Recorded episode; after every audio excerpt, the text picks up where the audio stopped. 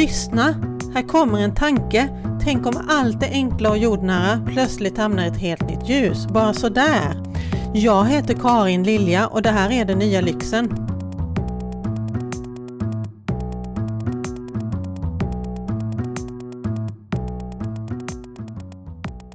Den 11 juni 2018 nödlandade United Airlines flight 971 på Shannonflygplatsen på Irland. Besättningen hade ägnat de senaste 20 minuterna av resan från Fiumcino åt att dumpa flygbränsle i havet så att planet skulle undvika att krascha vid landningen. Ombord var 214 passagerare på väg till Chicago. Landningen gick bra och alla följde de normala rutinerna vid nödsituationer. Brandbilar och ambulanser körde i ilfart till flygplatsen och polisen utredde som normalt. Utom en sak. Varje flygpassagerare fick lämna ifrån sig ett handstilsprov. Anledningen till nödlandningen var att någon hade skrivit ett meddelande för hand på flygplanstoaletten och det hade uppfattats som ett bombhot. Nu ville polisen jämföra handstilen hos dem som hade funnits ombord. Garday, den irländska polisen, rapporterade senare att det inte funnits något reellt hot på planet. Men själva incidenten hade redan spritts genom all världens tidningar just på grund av det unika. Ett handskrivet hot. Att skriva för hand långsamt och vackert med en riktigt bra penna, det är en sann njutning, en lyx. Och det är en lyx på stark frammarsch, fast kanske inte inom de områden man främst tänker sig det. Den olycksalige klottraren på flygplanet ägnar sig sannolikt inte åt lyxig handskrift. Och vad jag kan luska ut av de tidningsartiklar som skrevs om saken så var det ingen mästerkriminell som låg bakom. Men just handstil är något som informationstekniska avdelningen på Nationellt forensiskt centrum ägnar sig åt att undersöka. Det läser jag i språktidningen. En handstilsforensiker det är en kriminaltekniker som analyserar typiska individuella mönster i handstilar. Det finns inte två personer som skriver likadant, säger handstilsforensikern Kristoffer Axelsson Spjut till språktidningen. Att skriva för hand blir allt mer populärt bland kriminella i takt med att det blir lättare att spåra, digitala meddelanden genom avlyssning. Men då gäller det ju att förstöra den handskrivna flygplanen eller vad det nu kan vara. Och till skillnad från datorn så delitar ju inte en fysisk papperskorg din handskrivna lapp. Så det är ju såklart mumma för forensiken. Grafologi, det är att bedöma en persons personlighet efter hur denne skriver för hand. Att det skulle funka finns det inga vetenskapliga bevis för, utan det är en pseudovetenskap som astrologi och liknande. Klädskaparen Gudrun Sjödén skapade stora rubriker häromåret när hon i en Svenska Dagbladet-intervju bland annat sagt att hon anställer efter att ha gjort ett handskriftstest. Men hon hade alltså lika gärna kunnat göra Ole Dole Doff eller bara välja de som bar gröna skor den dagen eller var vänsterhänta. Det hade varit ungefär lika exakt. Snarare verkar det vara så att eftersom vi skriver mindre och mindre för hand till vardags så blir våra handstilar allt mindre unika. Visst kan de skickliga forensikerna se skillnad, men vi är väl rätt många som de få gånger vi skriver med papper och penna använder en rätt styltig textad stil. Ja, i varje fall gör jag det, något jag fick känna på häromdagen. För ironiskt nog så bestämde sig min dator att lägga av den dagen jag satte mig ner för att skriva ner mina tankar om den nya lyxen.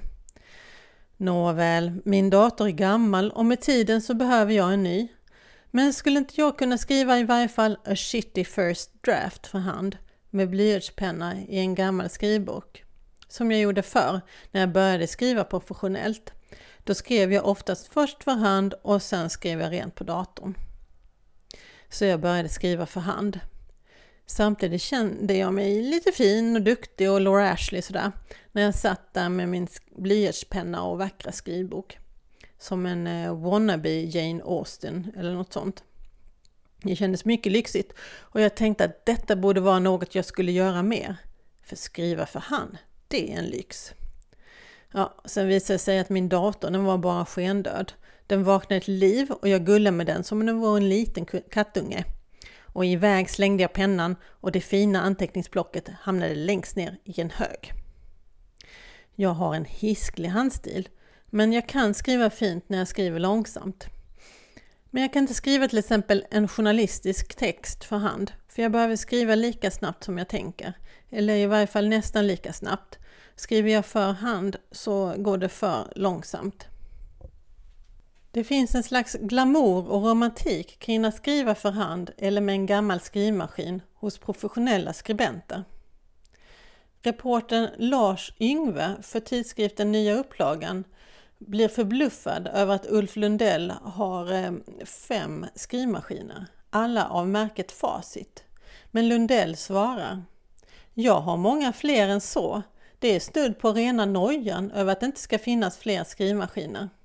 Jag sliter nog i genomsnitt ut en maskin per bok. Sedan är det färgband. Det måste man också vara vaksam på och lägga upp en buffert av i kylskåpet. Slut citat. Eh, I en artikel ehm, i The Guardian skriver författaren Niven Govinden En tom datorskärm gör mig illamående. Det främjar inte bra texter. Det fysiska med att skriva för hand, det förnöjer mig. Jag redigerar efterhand på ett sätt som inte händer med en laptop. Det finns en större känsla av rymd när jag använder penna. Ett linjerat anteckningsblock är mindre dömande. Men viktigast av allt är att jag skriver mer ekonomiskt. Jag tänker mer på att bra meningar ska följa på varandra och för mig är det allt som betyder något." Slutcitat. Det där med handskrift eller dator beror ju lite på vad jag ska skriva. Om det är något jag behöver reda ut.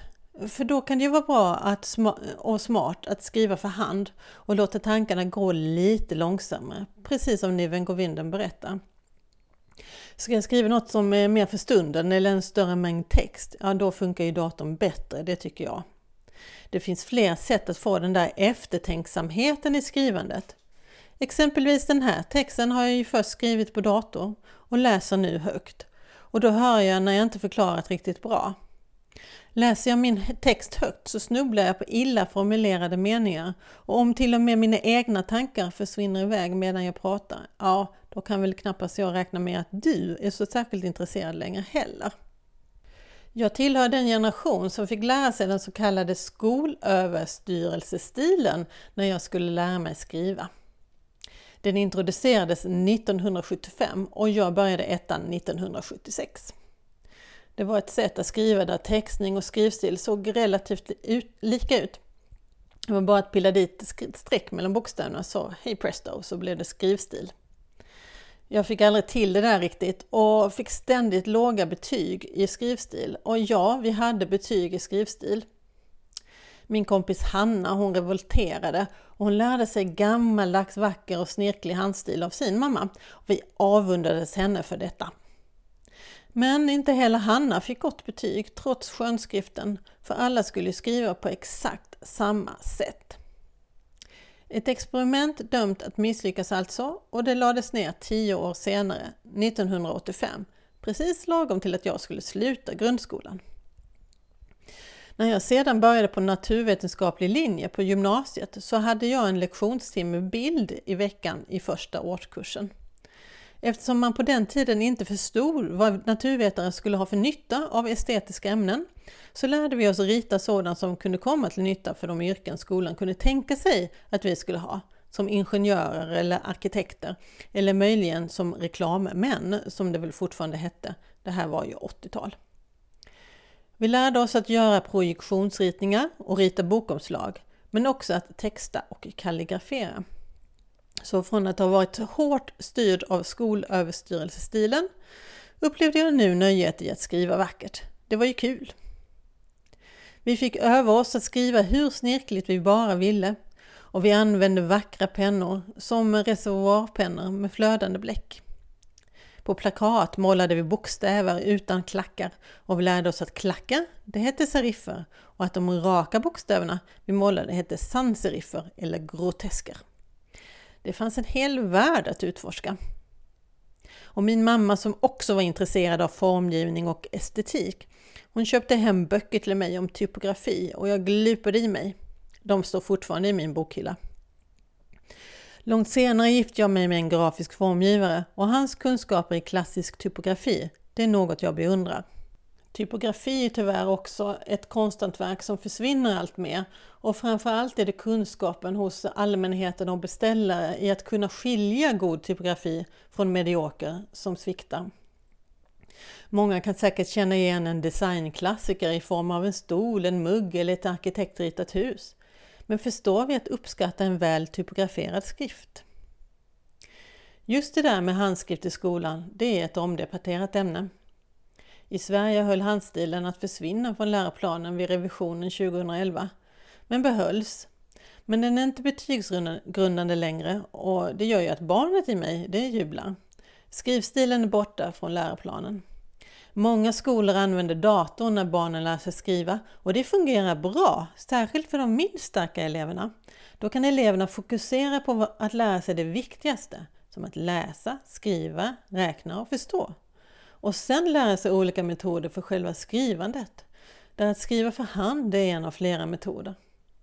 Exempelvis har det visat sig att det varit bra för elever med ADHD som har lättare att lära sig att läsa och skriva på det här sättet. Och det måste väl vara bra, eller hur? Att skriva med tryckbokstäver, alltså när varje bokstav är fristående, verkar gå precis lika bra som att skriva med skrivstil, där bokstäverna flätas samman. Om jag förstår forskningsresultaten rätt vill säga. Ändå är det något som orsakar mycket debatt, inte minst i USA där det bedrivs forskning på området. De som är för skrivstil menar att skrivstil främjar hjärnans utveckling men det verkar vara svårt att hitta entydiga vetenskapliga belägg för det här. Men att skriva för hand i sig, skrivstil eller eh, tryckbokstäver, det verkar ge fin motorisk övning i vilket fall som helst. Och man övar upp sitt automatiska tänkande och det kan vara bra. Och att skriva för hand, det påverkar också hur man minns. En amerikansk studie undersökte vem som minns bäst. Studenten som tog föreläsningsanteckningar med hjälp av en laptop eller den som tog anteckningar för hand. Det visade sig att båda studentgrupperna mindes lika mycket fakta medan handskrivarna kunde förklara sammanhang mycket bättre. De reflekterade medan de antecknade medan laptopskribenterna mer tog diktamen.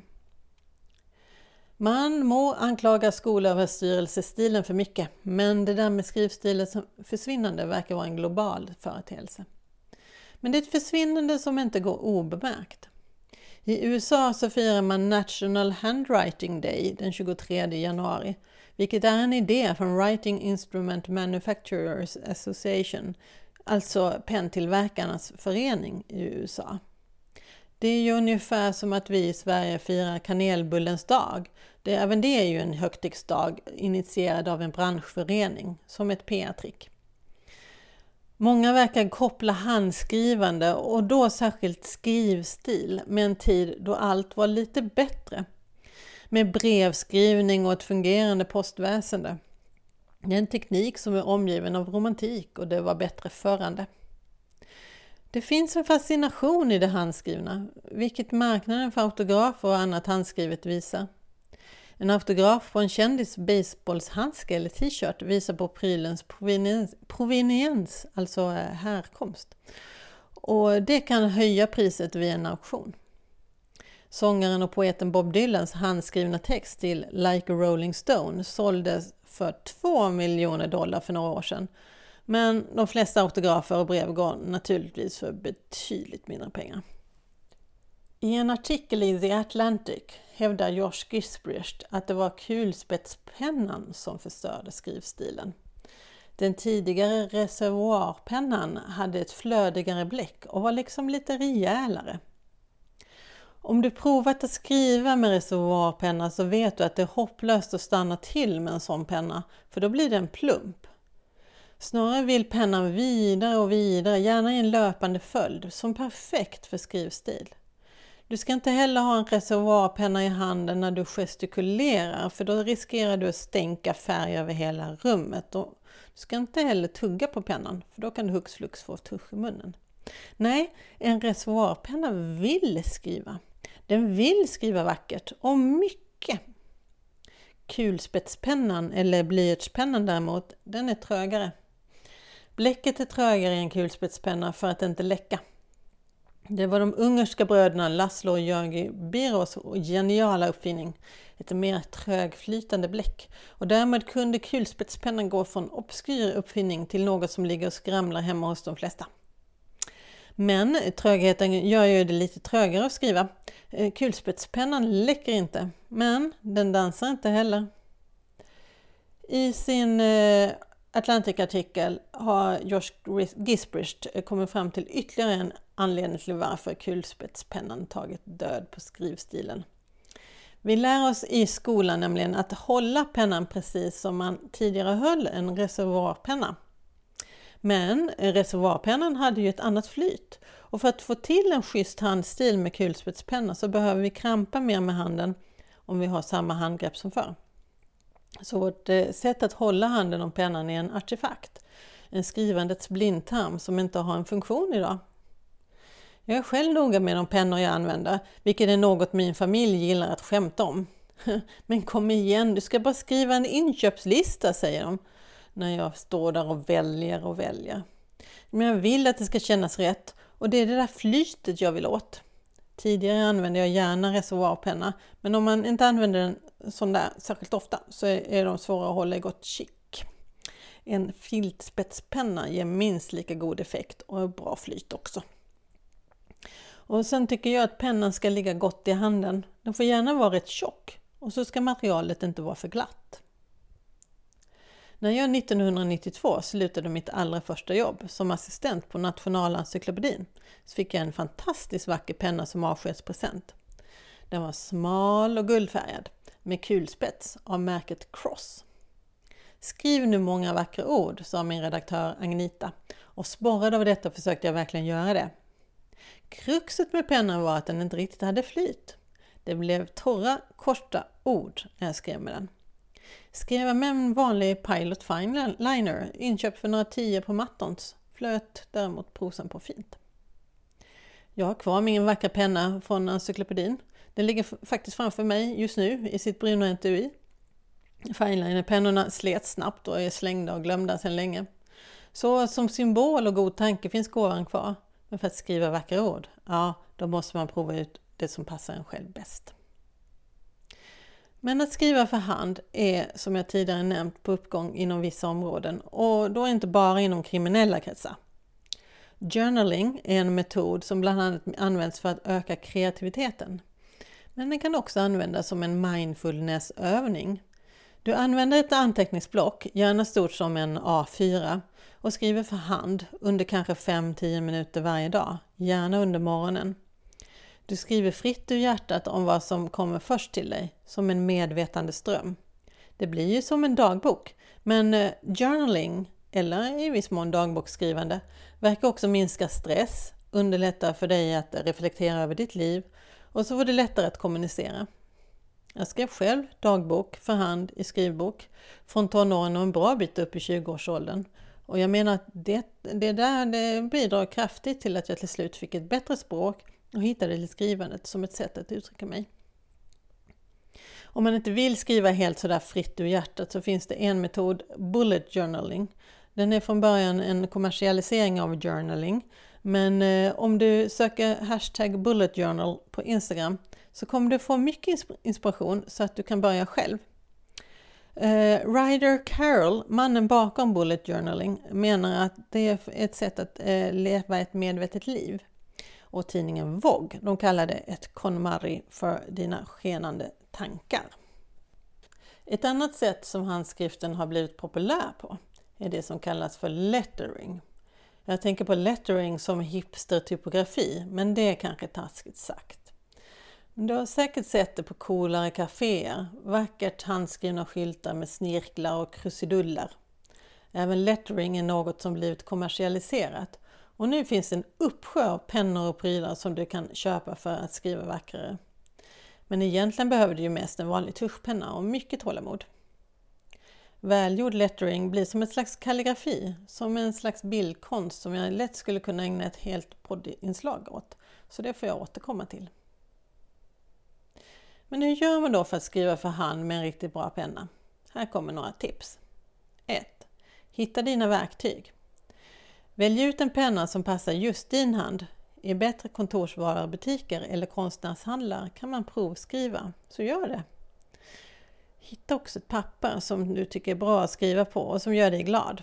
Tänk på att papper har olika ytstruktur och att de som är lite mer ruggade slurpar åt sig mer tusch medan väldigt blanka papper gör att bläcket inte fäster riktigt.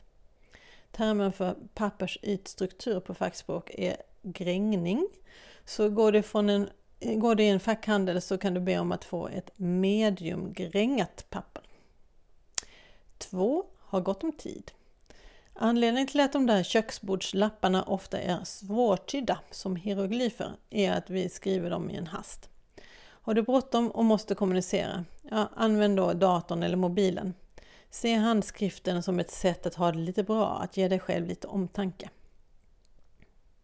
3. Öva.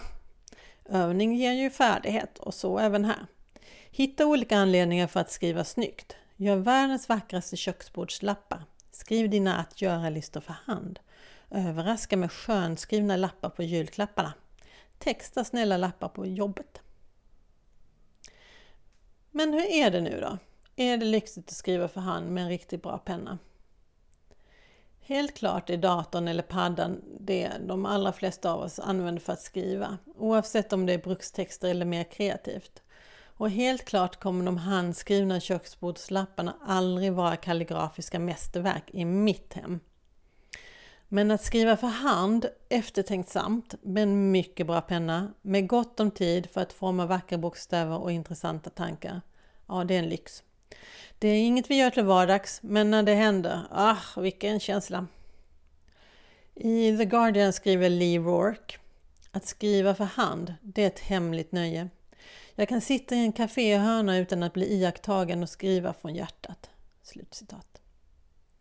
Med en laptop blir du mer genast synlig och du går från att vara observatör och flanör till att vara tydlig. För tydlig, en lattarbetare. Du blir en kaféslav. Och jag minns för innan jag bildade familj och sådär, hur jag satt med anteckningsblock på ett fik precis som Rourke, och skrev texter. De viktigaste texterna. Det var texterna om livet och kärleken och döden. Jag var omgiven av lågmälda samtal och skrammel från kaffekoppar och kanske någon bil som körde förbi. Jag använde helst en svart tuschpenna med bra flyt, gärna en filtspetspenna från Pilot.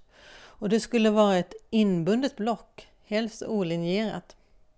Så ja, att skriva för hand med en riktigt bra penna, det är en sann lyx. Tack för att du ville lyssna. Om du har tankar, kommentarer eller frågor skriv gärna till post karinlilja.se Alltså post karinlilja.se eller kommentera på webbsidan dennyalyxen.se. Du kan också kommentera på facebook.com den nya lyxen. Hej då!